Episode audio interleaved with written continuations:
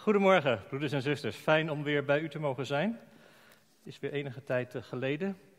En dit is inderdaad zo'n merkwaardige zondagochtend. Uh, ik heb tot een uur of acht helemaal niet kunnen slapen vannacht. Uh, daarna heeft de Heilige Geest me waarschijnlijk tot half, vijf voor half tien laten slapen om nog een beetje bij elkaar te zijn in mijn hoofd. In ieder geval hoop ik dat er geen flitspalen stonden tussen Marknesse en hier. Want ik was denk ik de enige die daar met 160 overheen reed.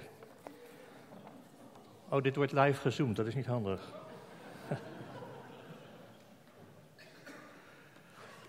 Maar het is zo geweldig dat wij in al deze verwarrende tijden en al deze merkwaardige omstandigheden waarin we nu al maanden bezig zijn, uh, van God de kans krijgen om concreet na te denken over de prioriteiten in ons leven. En ik zou vandaag met u willen nadenken over Psalm 16. Een, mooie psalm, een liefelijke psalm met een paar heel merkwaardige dingen. En eh, vooral met een heldere, heldere wegwijzing voor ons in onze tijd. Ik wil dat graag voorlezen. Een kleinoot van David. Bewaar mij, God, want bij u schuil ik. Ik heb tot de Heere gezegd: U bent mijn Heere ik heb geen goed buiten u. Wat betreft de heiligen die in de landen zijn, zijn, de heerlijken in wie al mijn welbehagen is. Veel zijn de smarten van hen die dingen naar de gunst van een andere God. Ik zal hun plengoffers van bloed niet plengen, zelfs hun namen op mijn lippen niet nemen. O Heere, mijn erfdeel en mijn beker, u zelf bestendigt wat het lot mij toewees. De meetsnoeren vielen mij in lieflijke dreven, ja, mijn erfdeel bekoort mij. Ik prijs de Heere die mij raad heeft gegeven. Zelfs bij nacht onderwijzen mij mijn nieren. Ik stel mij de Heere bestendig voor ogen. Omdat Hij aan mijn rechterhand staat, wankel ik niet. Daarom verheugt zich mijn hart en juicht mijn ziel. Zelfs mijn vlees zal in veiligheid wonen, want u geeft mijn ziel niet prijs aan het dodenrijk, nog laat u uw gunstgenoot de groeven zien. U maakt mij het pad des levens bekend. Overvloed van vreugde is bij uw aangezicht, liefelijkheid in uw rechterhand, voor eeuwig. Tot zover de lezing uit Gods woord. Zalig is wie Gods woord in zijn hart bewaart. Als je zo uh, de afgelopen maanden in de verschillende landen op het nieuws hoort en volgt wat iedereen beweert over van alles, tot aan sommige presidenten toe, dan ben je echt blij dat, er, blij dat er ergens een plek is waar wat betrouwbaars meegedeeld wordt. En waar je dus niet aan je eigen religieuze gevoelens of aan je eigen samenzweringsgevoelens overgelaten wordt, maar waar je weet waar je aan toe bent. Vandaag wil ik Pasen en Pinksteren op één dag als bevrijdend perspectief uit deze psalm met elkaar eh, overwegen. Er staat hier dat deze psalm een kleinoot is van David. De betekenis van dat woord miktam, het komt bij zes psalmen voor. Hè? Bij deze psalmen dan nog psalm 56 tot 60 is niet helemaal helder. Het kan een kleinoot zijn, een gouden kleinoot, of een verzoeningsgedicht hebben sommigen vertaald, of een psalm ter bezinning. Uh, maar het is in ieder geval iets belangrijks. En uh, het is zo in het leven, sommige dingen kun je niet helemaal duiden, maar je weet als God de inspirator is, dan is het, uh, is het goed. En het interessante is nu dat David hier met een concrete uh, zorg komt, een concreet gebed. Bewaar mij, God, want ik berg mij bij u. Bij u schuil ik. En je hebt een boel psalmen, weet ik het, psalm 22, waar dan staat, er zijn allemaal buffels van Bazan op de weg en leeuwen op de straat. Er zijn vreselijke vijanden. Maar nadat David dit gebeden heeft in deze psalm, komt er helemaal niks lastigs. Er komt alleen maar goeds. Dus waarom bidt David, bewaar mij, want bij u schuil ik. We komen daar straks op. Als David verder gaat, eh, dan zegt hij van dat wat in mijn hart het belangrijkste is, mijn hele welbehagen, is bij hen die de heiligen in den landen zijn. Degene die bij de heiligen horen, Gods volk. Mijn hart is bij Gods volk. En dan zegt hij, als je het op een andere plek probeert, als je iemand anders zoekt dan de heilige, dan heb je misschien op korte termijn een zekere bevrediging, maar uiteindelijk, hij zegt, ik wil die dingen niet eens in mijn hersens en in mijn mond nemen, ik wil er niks mee te maken hebben, want het leven is bij de heiligen en de heiligen die bij God horen, die door hem geheiligd zijn, dat is de plek waar ik thuis ben. Is natuurlijk interessant voor ons, ik weet niet hoe dat jullie ging. Ik had uh, voor juni veel Zoom-kerkdiensten en veel Zoom-bijbelstudies en een hele bootlading vol Zoom-bidstonden. Dat was geweldig. Onze eigen bijbelstudie in de kleine gemeente waar wij uh, naartoe gaan als ik op een zondag een keer vrij heb. Daar gaan we door de week altijd wel naar de bidstond en heb ik regelmatig gemeentebijbelschool. En in plaats van dat daar nu 15 mensen zaten, waren er 45 mensen, of 40, 40 tot 45. En we zijn nu verder gegaan dat we het ook, wat jullie nu ook doen, per internet uh, kunnen bekijken. En we hebben gewoon een aantal mensen gehouden. Dus op die manier heeft het, uh, heeft het uh, bijgedragen tot verdere ontwikkeling. Maar iedereen heeft gemerkt hoezeer we elkaar gemist hebben. Sinds Pinkster heb ik het voorrecht gehad in elke zondag in een andere kerk het woord van God te mogen doorgeven. Sinds vorige week nu ook weer in Nederland. En dat is uh, bijzonder, want dan zie je elkaar weer. Dan denk je van ja, nu snap ik David even heel goed. Mijn welbehagen is in al die niet zo heilige heiligen die in den landen zijn, waar ik er eentje van ben. In Christus geheiligd. Maar voor, voorlopig in de eerste etappe ben je alleen maar blij en vindt het zo jammer dat je niet mag knuffelen nog. Oh, maak je geen zorgen, het duurt niet lang, dan ga je hem ook weer aan elkaar ergeren en alles wat er gewoon bij hoort, als mensen samenkomen. Maar dat neemt niet weg dat ten diepste dat verlangen helderder geworden is nu. Ja? Je bent een tijd lang geïsoleerd van elkaar. En je merkt, we zijn voor gemeenschap gemaakt. God, de drie enige, is ook zonder dat hij mensen heeft. Liefde is volmaakte gemeenschap in zichzelf en hij heeft ons in zijn beeld geschapen om met ons gemeenschap te hebben. Dat is onze God. En omdat dat een deel van onze identiteit is, beleven we isolatie als heel moeilijk. In Zwitserland werk ik 60% van mijn tijd uh, voor Open Doors. En we hebben uh, in de afgelopen half jaar een interview gedaan met een aantal Chinese pastoren over isolatie, die allemaal in de gevangenis geïsoleerd waren geweest. En uh, gevraagd, hoe was dat nou in de isolatie? En wat kunnen wij eruit leren? En wat voor allemaal duidelijk was, hadden allemaal verschillende dingen beleefd. Een aantal dingen was ook tamelijk hetzelfde, maar één heel belangrijk ding wat ze zeiden. Dit is iets wat God je geeft als een kans. Verknoei de tijd van de isolatie niet door je er doorheen te amuseren tot het eindelijk voorbij is, maar geef de Heilige Geest de kans om in je hart aan het licht te brengen wat niet klopt aan je prioriteiten. Bijvoorbeeld, is mijn identiteit afhankelijk van wat mensen om mij heen doen of wat ik kan doen? Of is mijn identiteit in Christus verworteld en brengt God nu aan het licht dat ik echt een paar knoppen om moet zetten? Zodat ik, hoe lastig het ook is om alleen te zijn als mens, dat is voor de schepping niet natuurlijk, dat ik toch in Hem mijn bevrediging, mijn vervulling heb. Dat Christus mijn leven is. In sommige van de kerken waar, wij, uh, waar ik mocht spreken, doen ze het met de muziek zo dat er iemand de melodie speelt en dan komt de tekst voor en dan lezen we dat hardop, net als op in een schoolklas. En voor mij was dat heel goed, omdat ik daardoor een aantal liederen die ik mooi vind en die ik op de automatische piloot kan meezingen, niet op de automatische piloot kan meezingen, maar de tekst moest Jezus leven van mijn leven, Jezus dood van mijn dood. De kerk van Jezus Christus heeft geen ander fundament.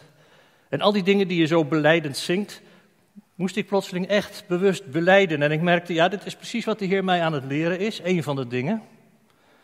Er zijn ook andere dingen. Prioriteiten bijvoorbeeld in de omgang met mijn vrouw en dingen die de Heer me heeft laten zien. Maar de Heer geeft ons de kans iets te leren en dit is een tijd die we niet voorbij mogen laten gaan zonder dat wij de zegen daaruit accepteren. En de vraag is dan ten diepste altijd, wie is God en hoe zie ik God in de dingen die mij in het leven niet, uh, niet passen? David heeft vreugde aan de gemeenschap met de heiligen. En wij weten dat Pinksteren de dag is waarop de Heilige Geest kwam op de beloofde manier. Leest u vanmiddag als u tijd heeft een keertje nog Ezekiel 36, dat God zegt, ik ga je hart van steen wegnemen, ik ga je een hart van vlees geven, ik zal mijn geest in je binnenste geven en maken dat je naar mijn geboden wandelt. Petrus spreekt met Pinksteren over Pasen. Dat is heel interessant. De opstandingskracht van Christus, de werkelijkheid van het nieuwe leven, de eerstgeborene van de nieuwe schepping. En met Pinksteren wordt de stekker in het stopcontact gestoken en wordt die opstandingskracht beschikbaar. En komt de geest op een andere manier dan voordien. En wordt een mens wedergeboren en ontstaat de gemeente. Christus zegt: Het is goed dat ik ga, jullie zijn treurig. Maar als ik ga, dan kan de Heilige Geest komen en die zal in jullie uh, dat doen wat nodig is. En hij zal dan wat ik ben toepassen wereldbreed. En door de Heilige Geest is met Pinksteren de gemeente geboren. De gemeente van het nieuwe verbond. En dus die gemeenschap van heiligen, waar wij het deel van uitmaken, is iets, iets heel bijzonders. Daar is een lange weg voor gegaan. Christus is gekomen als dienstknecht, heeft zijn leven gegeven. Is als een crimineel op een vreselijke manier geslacht worden, geworden, zodat wij kunnen leven. Wij hebben de wet niet vervuld. Hij heeft voor ons de wet vervuld en toen de straf ervoor gedragen dat wij die wet niet vervuld hebben. En nu is, en leest u daar nog een keer Ezekiel 36 bij, het leven van Christus in ons dat de wet vervuld heeft. Leven door de geest is niet proberen de wet te vervullen, maar leven vanuit de volbrachte wet, vanuit de vergeven schuld. Leven als kind van God. Wij zijn nu broers en zussen van Christus. We zijn niet kleine Jezusjes, zoals in veel theologische stromingen beweerd wordt. Wij oefenen niet de macht van God uit. Maar wij leven uit genade als kinderen van de Vader. En we zijn thuis bij God. Ik heb je ook al eens vroeger verteld dat ik zelf zonder papa ben opgegroeid en geen idee had hoe dat in elkaar zit. Papa. En de ontdekking toen ik met twintig jaar Jezus persoonlijk leerde kennen, nadat ik op mijn vijftiende al gedoopt was in een baptistengemeente, dat Christus niet alleen mijn schuld vergeeft. Het heerlijke weten, je schuld is vergeven, mijn zonde is weg. Ik hoef niks meer te bewijzen, ik ben aangenomen. Tegelijkertijd de ontdekking dat Christus mijn schepper is. En als u mij het beeld wilt vergeven, uh, ontdekken dat ik bij mijn hemelse vader op schoot mag kruipen en aan zijn baard trekken en kijken of hij nog een pilsje in de koelkast heeft voor me. Thuis bij papa. Met aan alle heiligheid uh, gesproken. Hij heeft er ook priklimonade staan, heb ik gezien. De gemeenschap der heiligen. Christus heeft dat werk gedaan aan Pinkst, met Pinksteren heeft de Heilige Geest de gemeente geboren laten worden. En wij ontdekken in deze tijd hoe belangrijk dat is. Fellowship, samenhoren. Betekent trouwens ook, als je het zorgvuldig leest, een correctie op hoe we vaak met elkaar omgaan. Neemt u een moment in stilte voor Gods aangezicht en vraag eens, Heer, welk van de heiligen heb ik niet zo'n zin in? En welk van die heiligen waar ik niet zo'n zin in heb, is eenzaam? En hoe kan ik nou iets betekenen voor die heiligen? Niet van ik verlang alleen naar ze, maar wie kan ik eens bellen of een briefje schrijven of iets langsbrengen? Iemand die mij elke zondag op mijn tenen trapt en me laat voelen hoe ongeestelijk ik ben, mag ik iets liefs voor die persoon doen? Geef me een idee zodat het vaderhart van God dat tegen mij zegt: Jongen, je hebt alles verknoeid, maar ik hou van je, ik wil jou als zoon. Hoe kan ik dat aan iemand laten zien waar ik geen zin in heb? Alle heiligen in den landen. En die heten dan soms ook gereformeerd of Pinkster, soms heten ze Baptist. Deze tijd helpt ons niet om onze Bijbelse overtuiging te verwateren, maar om ons hart voor Gods aangezicht opnieuw te laten eiken al mijn welbehagen. Heer, u bent mijn erfdeel en mijn beker.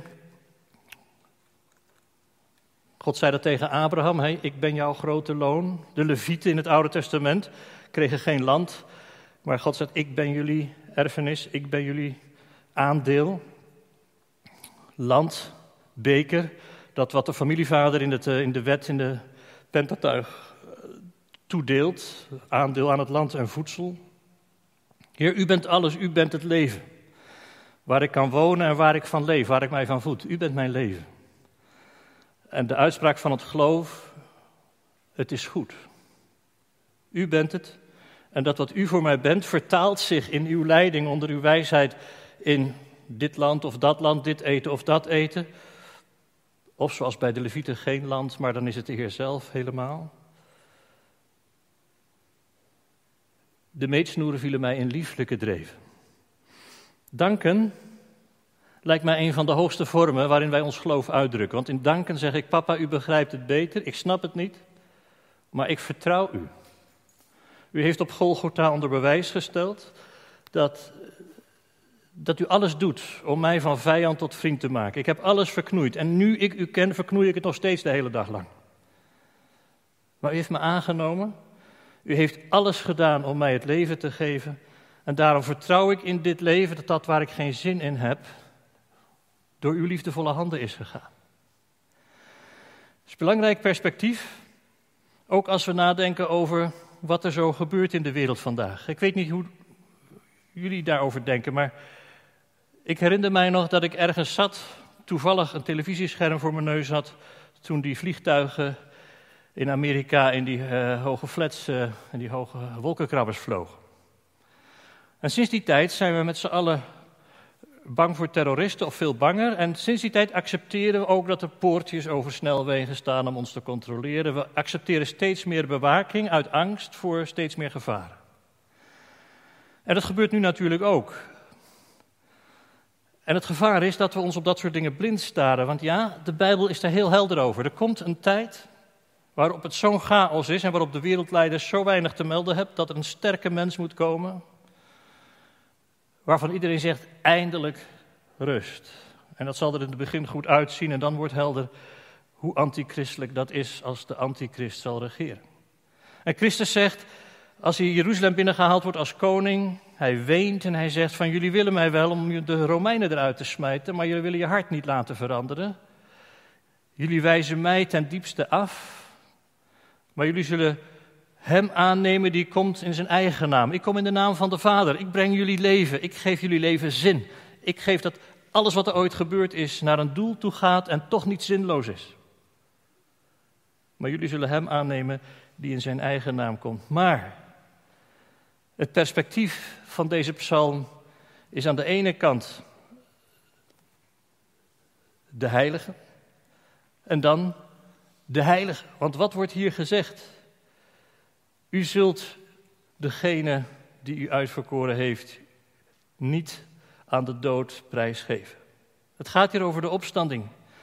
Mijn hart verheugt zich, mijn ziel juicht, mijn vlees zal in veiligheid wonen, want u geeft mijn ziel niet prijs aan het dodenrijk, nog laat u uw gunstgenoot de groeven zien. We weten dat David gestorven is.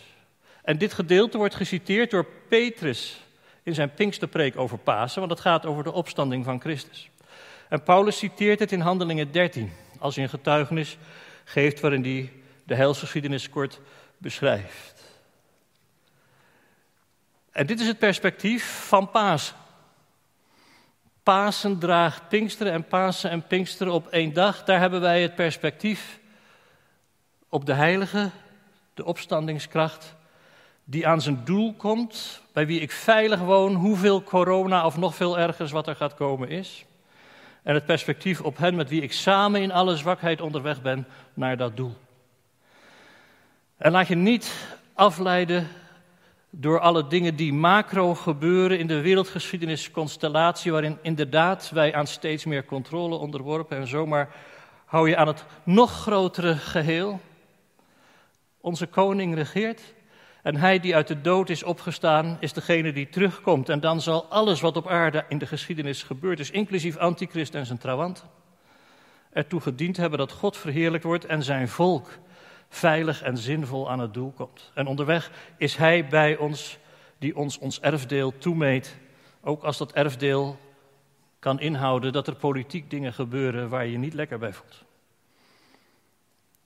Dat is het perspectief. Ik heb mijn welbehagen in de gemeente. En dat is omdat ik mijn welbehagen heb in Hem die de Heilige is, die de gemeente der Heiligen vormt, die uit de doden is opgestaan.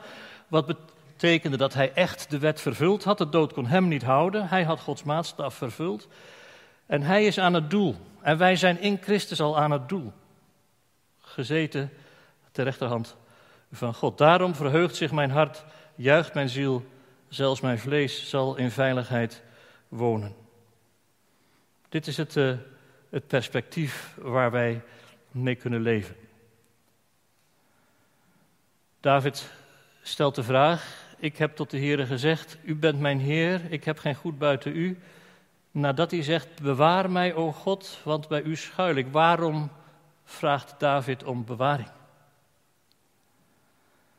Ik denk dat de enige logische conclusie is dat hij vraagt om bewaring voor een innerlijk wegdrijven van deze prioriteiten. Bewaar mij in mijn verhouding tot het volk van God. Laat mijn prioriteit zijn bij wat de kerk dient. Dat wil niet zeggen dat je de samenleving niet wil denken. Een kerk die Gods opdracht serieus neemt, neemt de samenleving veel serieuzer dan het in de kerkgeschiedenis gebeurde, helaas. We hebben geweldige mogelijkheden en opdrachten dat, het, dat zij die bij Jezus horen een verschil maken in de maatschappij. Smaak en kleur geven, zwakken helpen en eh, cultuur helpen ontwikkelen, gewoon een zegen zijn. Christus is de smaakmaker. Ik doe allerlei dingen die niet altijd zo vroom zijn. Ik zit bijvoorbeeld in de jury van de Zwitserse cocktailkampioenschappen van de Swiss Barkeeper Union. Dat is niet heel vroom in een baptistengemeente, dat weet ik. Maar daardoor heb ik geweldige mogelijkheden als mensen vragen: wat doe jij hier als theoloog? Ik zeg: weet je niet dat God party bedacht heeft? Alleen wij hebben de gebruiksaanwijzing verknoeid. Ik zeg: ik was jarenlang zwaar depressief toen ik met 20 jaar Jezus leerde kennen en de Bijbel begon te begrijpen. Heb ik voor het eerst van mijn leven geleerd het leven te genieten. De Bijbel heeft mijn ogen geopend voor het genieten van het leven en voor het belang van de samenleving en van sociale gerechtigheid en alles waarin de gemeente een verschil kan maken. Voor die tijd was de gemeente die erg bijbelgetrouw was en waar ook hele lieve mensen waren die allemaal veel wedergeborener waren dan ik. Geen plek waar je vreugde aan de schepping leerde, maar waar je alleen maar bang leerde zijn iets fout te doen, de wet te vervullen, leven voor Pinksteren. En toen ik persoonlijk Pinksteren beleefde, wedergeboren werd. Toen heeft God mijn ogen geopend voor hoe geweldig de schepping is en hoe fijn het is ook kleine dingen te doen. En alles wat werkt, meewerkt aan het laten functioneren van de schepping en het leuk maken van dingen, eert God. Wij zijn niet geschapen om moeilijk theologisch voortdurend ons omhoog te werken, we zijn geschapen om te leven.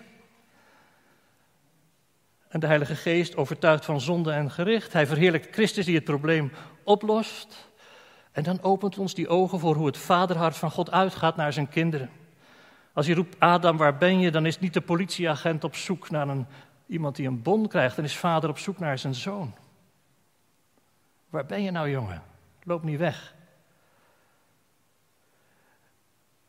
Mijn welbehagen is bij allen die in, bij God horen en daarom bij de God bij wie ze horen. En daardoor heb ik ook het zicht van God op dit leven en deze maatschappij en de crisissen die we met elkaar doormaken. En het perspectief, Christus heeft de dood overwonnen. De dood heeft niet het laatste woord. Niet doodgaan is niet het belangrijkste, want je zult eeuwig leven. Niet ziek worden is ook niet het belangrijkste, want eh, we leven in een gebroken wereld en die breuk hebben wij voor elkaar gekregen. Daar is God niet verantwoordelijk voor, maar ondanks die breuk schept Hij in alle ellende leven. En David bidt Bewaar mij, ik schuil bij u, zodat mijn hart, dat zo arglistig en zo egoïstisch is en altijd weer het gemak zoekt en altijd weer de korte termijn bevrediging zoekt ten koste van de lange termijn zegen. Help mijn hart in een zuivere verhouding met u en met de gemeente te blijven. En help mijn hart vanuit de opstanding te leven. Het perspectief van de eeuwigheid te hebben. En te alle tijden, wat er ook gebeurt en wat er in de komende decennia gaat gebeuren, Misschien duurt het helemaal niet meer zo lang voor Jezus terugkomt, maar hij komt terug.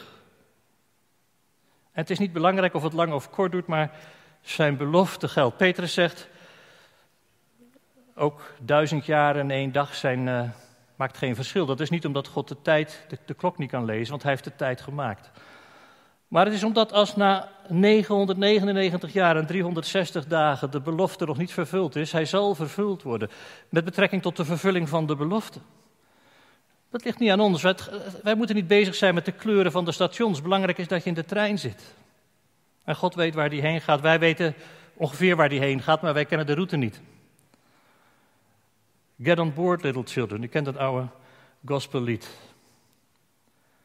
Bewaar mij, God, mij, ons als gemeente ervoor dat onze prioriteiten scheef blijven. En de coronatijd is naar mijn overtuiging door Gods genade een mogelijkheid om je prioriteiten te herijken. Met relatie tot gemeenschap. Waardoor je dus niet denkt dat de gemeenschap volmaakt is, maar je hebt tijd om in de stilte te ontdekken en na te denken. Eigenlijk wil ik leren dienen en niet steeds beoordelen wat ik er krijg. En alles wat verder nog bij de gemeenschap hoort in de gezindheid van Christus. En bewaar mij ervoor dat ik niet vanuit het doel, vanuit de opstanding denk. Bewaar mij voor het doemdenken. Bewaar mij ervoor dat allerlei energie verloren gaat aan dingen die ik toch niet kan beheersen. En zonder fatalisme, maar in vertrouwen op de koning, actief bezig zijn in onze geschiedenis. Pasen en Pinksteren op één dag, dat is een bevrijdend perspectief. Je mag leven. God heeft je het leven gegeven. En in de verbinding met Hem en met zijn gemeente. En vanuit het weten dat Hij aan het doel komt vanuit zijn opstanding. Ben je gewoon altijd aan de kant van de winnaar.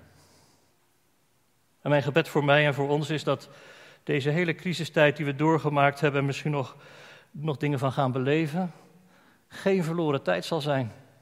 Maar een tijd waarvan we met elkaar zeggen: Dank u, Vader. Ook hierin hebben wij uw liefde opnieuw ontdekt.